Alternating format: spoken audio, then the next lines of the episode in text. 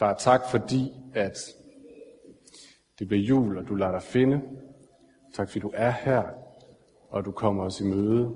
Fordi du ønsker, at vi skal se dig. Du ønsker, at vi skal se, at, vi, at du altid ser os. Amen.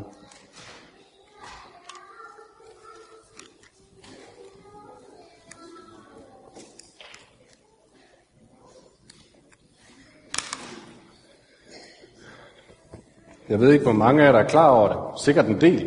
Men at julen jo i virkeligheden er en gammel hedensk lysfest, hvor vi fejrer, at, eller de gamle nordbrødre har fejret, at øh, nu var man kommet dertil, hvor dagene ikke blev mørkere. I lang tid var det blevet mørkere og mørkere og koldere og koldere og tristere og tristere. Men her omkring den 21. december, 21. december, der vender det hele igen, og det begynder så småt at blive lysere. Lyset er på vej tilbage. Dagene bliver længere. Og de gamle nordboere i deres kolde øh, træhuse i det bidende, kolde Danmark, de har haft den her fejring omkring den 21. december og begyndt at minde hinanden om, nu er der lysere tider på vej. Nu bliver det, nu bliver det lysere. Og det er også derfor, vi har sådan en tradition med at tænde så mange lys her i december. Der er adventskransen, som vi tænder. Vi har adventsdager i ly eller vinduen, eller adventsstjerner hængende i vinduerne. Og det griber om sig efterhånden, så begyndt, er folk begyndt at vikle alt, hvad de overhovedet kan, ind i lys. Så simpelthen er et overflod af lys nogle steder, hvor vi kommer hen. Fordi vi har brug for at tænde lys i mørket. Vi har brug for her, hvor det er aller mørkest og aller tristest og koldest og vådest, og minde hinanden om, der er lys. Lyset er på vej igen. Jeg har et kontor hernede i øh, Dronningegården, hvor der sidder en masse forskellige mennesker med forskellige erhverv. Og vi begyndte at aftale, at vi vil minde hinanden om det her. Med at lyset er på vej tilbage, fordi hen over efteråret, så man sådan kunne mærke og høre på folk, at åh, det er begyndt at blive tristere og tristere, og folk ser mere og mere trætte ud, når de kommer ned til frokost, og humøret er bare lavt, og folk sidder sådan lidt og mukker og skutter sig. Og så er, vi, så er vi blevet enige om, her omkring den 21. december, så vil vi begynde, når vi mødes på gangen eller til frokost, så minde hinanden om, hey, du, det er faktisk lidt lysere i dag, end det var i går. Lad du mærke til det? Der er faktisk, der er faktisk lidt mere lyst. Og, og, og, og håbe, at det på en eller anden måde vil begynde at minde os om det. Og en af de andre, der arbejder med, hun er psykolog. Og hun mener faktisk, at bare det, at vi siger det til hinanden, det kan gøre noget ved serotoninniveauet i vores krop. og serotonin, det er det, kroppen laver, når vi er i sollys og i luft. Og det er også det, man putter i lykkepiller. Hun mener simpelthen, at det kan påvirke det. Bare det, vi minder hinanden om, hey, lyset er på vej. Og når vi læser juleevangeliet og fejrer jul, så er det faktisk lige præcis det samme, der sker. Ikke at vi prøver at snyde vores hjerne med et eller andet, øh, et eller andet serotoninniveau, men at det er et budskab om, at der er tændt lys i mørket. Det mørkeste niveau er nået. Fra nu af bliver det lysere. Men det er et meget dybere plan, end bare sådan et eller andet med solen, eller jordens bane omkring solen, eller et eller andet med serotoninniveauet i vores krop. Et meget dybere plan, der er tændt lys på. Og mørket, som er nået sit endeligt, det er det mørke, som vi kalder uretfærdighed, og som vi kalder undertrykkelse, eller brudhed, eller eller synd, det har nået sit endeligt. Det har ikke mere magt. Det er det, der er julens budskab. Og i dag, så er det det, vi skal fokusere på. Det lys, der kommer. Øhm, hvordan ser det ud? Og vi har tændt, jeg fik Karl til at tænde sådan en fint lille, jeg ved ikke, man kan se det. Sådan en fint lille, det er typisk julelys. Det er lille, det er hyggeligt, det er varmt, og vi kan sådan, sådan sidde og hygge os ved det. Men jeg tror, der er nogen, der tænker, hvis vi skal have et lys, der symboliserer Gud, et lys, der virkelig siger Gud, så skal vi have fat i et andet lys. Så ville det nok være bedre, om vi fik fat i sådan en juledekoration, der så sådan her ud. Se, det er en juledekoration, der signalerer Gud. Fordi det er et lys, der ser alt, og som alle kan se. Nu er der Gud. Nu er der Gud lys på. Og for jeres øjens skyld skal jeg nok lige slukke det igen. Men jeg tror tit, at vi kan længes efter sådan et gudlys. Sådan et gudlys, der bare sætter sig igennem. og laver en kejle foran os. En kejle, som bare viser, hvordan det hele ser ud i Guds øjne.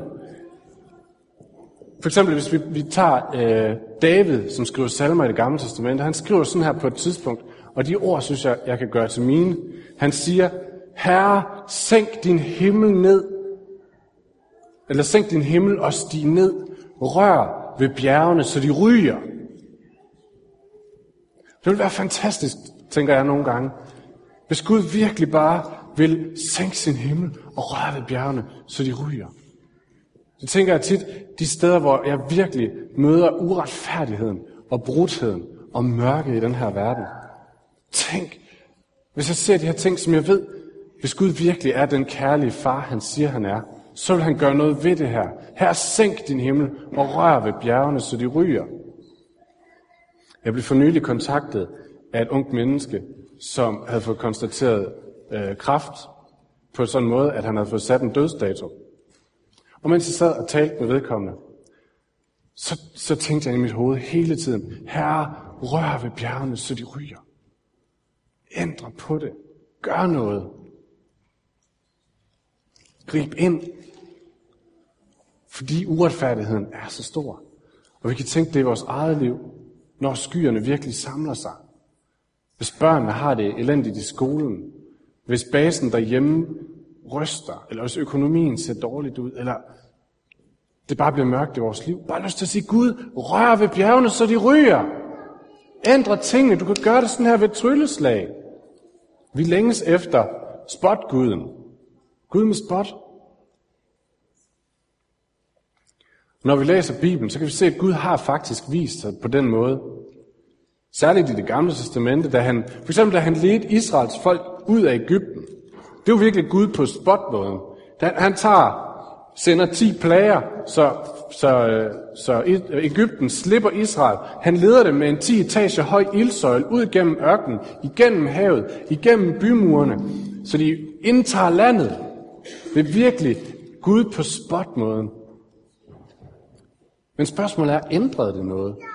Ja, det flyttede folket fysisk fra et sted til et andet. Men det ændrede ikke noget i folket herinde. Fordi de var stadigvæk utilfredse. De var stadigvæk lige selvoptaget. De var stadigvæk klar til bare at gå ud og lave nye problemer for sig selv og for hinanden. Det var som om, man kan sige, at Gud havde tændt sin spot på dem et øjeblik og gjort fantastiske ting. Men så snart han lige drejede spotten væk, så var det lige så mørkt, som det var før. Der var ikke ændret noget. Jeg tror, Gud ved, at når han lader sin spot sin hellighed og sin almagt og sin perfekthed lyse ned på mennesker, så skal han nok få en reaktion. Men det bliver en reaktion i enten lamslået benovelse eller frygt. Det bliver ikke en forvandling i hjertet, og det bliver ikke til forvandling og til kærlighed. Og det er det, Gud gerne vil have. Han vil gerne give kærlighed. Han vil gerne forvandle i kærlighed og han vil gerne modtage vores kærlighed tilbage. Og derfor så er julen også budskabet om, at Gud gjorde noget helt nyt. Det var ikke Gud på spotmåden, nej, Gud tændte et lille bitte lys. Han tændte en, en baby. Ikke bare en kejle fra himlen, men et lille bitte lys, som ville søge ud i afkrogene, derude hvor der var allermørkest og allerkoldest. En stor spot kan ikke bøje sig ned ved en, et nedbrudt menneske og trøste og bygge op. Men det kan et lille varmende lys. Det er også derfor, den tekst, som han har læst, at der står, at han skal kaldes Immanuel. Gud med os, betyder det. Gud er nær, Gud er med os.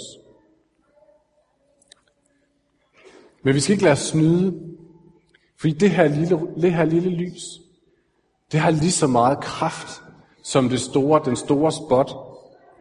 Prøv at tage det her lille lys med ind i et mørkt rum. Så det mørke rum, det er ikke mørkt længere. Tag det med. Det kan faktisk komme med helt ud i de yderste afkroge, og så er der ikke mørkt længere. Så er der forvandlet der.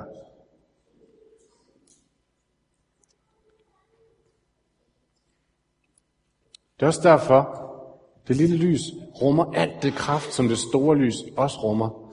Det er også derfor, at Jesus i dagens tekst bliver kaldt for Jesus, som betyder Herren sejrer eller Herren frelser. Han er både Gud med os, nærværende, men han er også Gud, der sejrer. Gud, der forvandler. Og det her lille bitte julelys, det blev tændt der, hvor der var allermørkest. I en fattig stald hos nogle fattige forældre. Et sted, der ikke engang var deres hjem.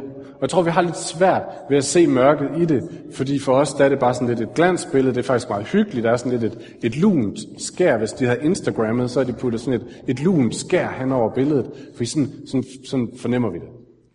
Men var det sket i dag, så er det sandsynligvis sket i et blækskur i Sovetos slum, og moren havde været en fattig, afrikansk, ukendt, fuldstændig ukendt pige.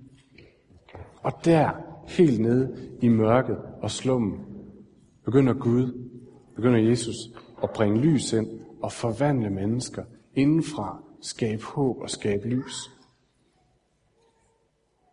Han begyndte med hyrderne, de vise mænd. Og hvis vi følger hans liv igennem evangeliet, så kan man se der, hvor han kommer ud, hvor der er allermørkest. mørkest, hvor alt håb er forsvundet, der begynder han at skabe håb og forvandle. Og bare et par eksempler på, hvordan det ser ud i dag. Jeg talte med en kvinde for nyligt, hun er ikke her fra menigheden. Øhm, jeg talte med en kvinde, som havde lidt af en stærk depression. Og i tre måneder havde hun stort set ikke sovet. Og der, i nattemørket og i sjælemørket, havde hun siddet, så har hun lyttet på sin iPod til Guds ord. Og det var det eneste lille bitte lys, der kunne nå ind i hendes mørke. Men Guds sandheder kunne nå hende, og hun kunne høre ordene om Guds elskede barn. Gud er Emmanuel, han er nær. Og det begyndte at skabe en lille smule lys, en lille smule håb derinde, hvor intet andet kunne nå ind. Der kunne det lille lys forvandle. Og et, andet billede, lidt større skala, er Sydafrika, som vi for nylig er blevet mindet om, da Mandela døde og blev begravet. Da Mandela overtog præsidentposten, efter han havde været i fængsel i 27 år, så overtog han et land, som var på kanten af en meget seriøs borgerkrig. For det var apartheid var ophævet, og bødler og ofre og ofres familier gik rundt imellem hinanden i det her land. Og hvis det skulle kunne lade sig gøre at bygge et land op på alle de spændinger, hvor der var hævn i luften, så skulle der ske et mirakel. Og Mandela satte sin gode ven, Desmond Tutu, som var biskop i kirken i Sydafrika, satte ham til at lede det store sandheds- og forsoningsarbejde, som faktisk førte til, at det her folk blev et samlet folk, og man begyndte at kunne bygge et land op igen. Og det skete, fordi Desmond Tutu troede på, at der er tændt et lille lys i den her verden – og et lille lys, som faktisk kunne komme helt derind og nå en mor, hvis mand var blevet tortureret og slået ihjel, og skabe tilgivelse og forsoning i hende. Eller en kvinde, hvis mand var blevet slået ihjel, at hun kunne slippe sin hævn, slippe sin trang til hævn og overgive sig og tro på forsoning og tilgivelse. Fordi Tutu troede på, der er tændt et lys og et håb i den her verden. Og det håb kan nå helt derind. Der er ikke nogen steder, der ikke kan ske forsoning og genoprettelse. Og hele historien med Sydafrika endte som vi ved, ikke som alle andre steder i Sydafrika, eller i Afrika nærmest, med en stor og meget blodig borgerkrig. Men tværtimod er det nu et eksempel, som bliver brugt i masser af lande verden over, på hvordan konflikter kan løses. Alt sammen fordi en lille, tyk, glad præst troede på, at der var tændt et lys og et håb. Og i aften skal vi alle sammen tænde lys på vores juletræ, går jeg ud fra. Og det er ikke for at hylde træet, ligesom jeg havde engang en professor, der sagde, at det gør vi jo for at hylde det her store træ. Det er ikke derfor. Det er fordi, vi tror på, at under stjernen, der er der tændt et lille lys. Og det her lys, det har bragt hele Guds forvandlende kærlighed ind i den her verden gjort den tilgængelig til forvandling. Og det vil vi gerne bringe ind i vores eget liv, og det vil vi gerne se mere af i vores hjem, i vores nabolag, i vores by, på vores ø, i vores land, Derfor tænder vi lys. Og når vi mødes med hinanden her bagefter, så burde vi måske lige minde hinanden om at sige, hey, lyset er faktisk kommet nær. Det er faktisk lysere nu, end det var før. Det er faktisk en ny verden, vi lever i. Lyset er tilgængeligt. Og for at gøre det en lille smule konkret, så vil vi nu alle sammen gå herop, og så vil vi tage et lille sterinlys, og så vil vi tænde det ved det lys, som blev tændt julenat, og så vil vi gå herop,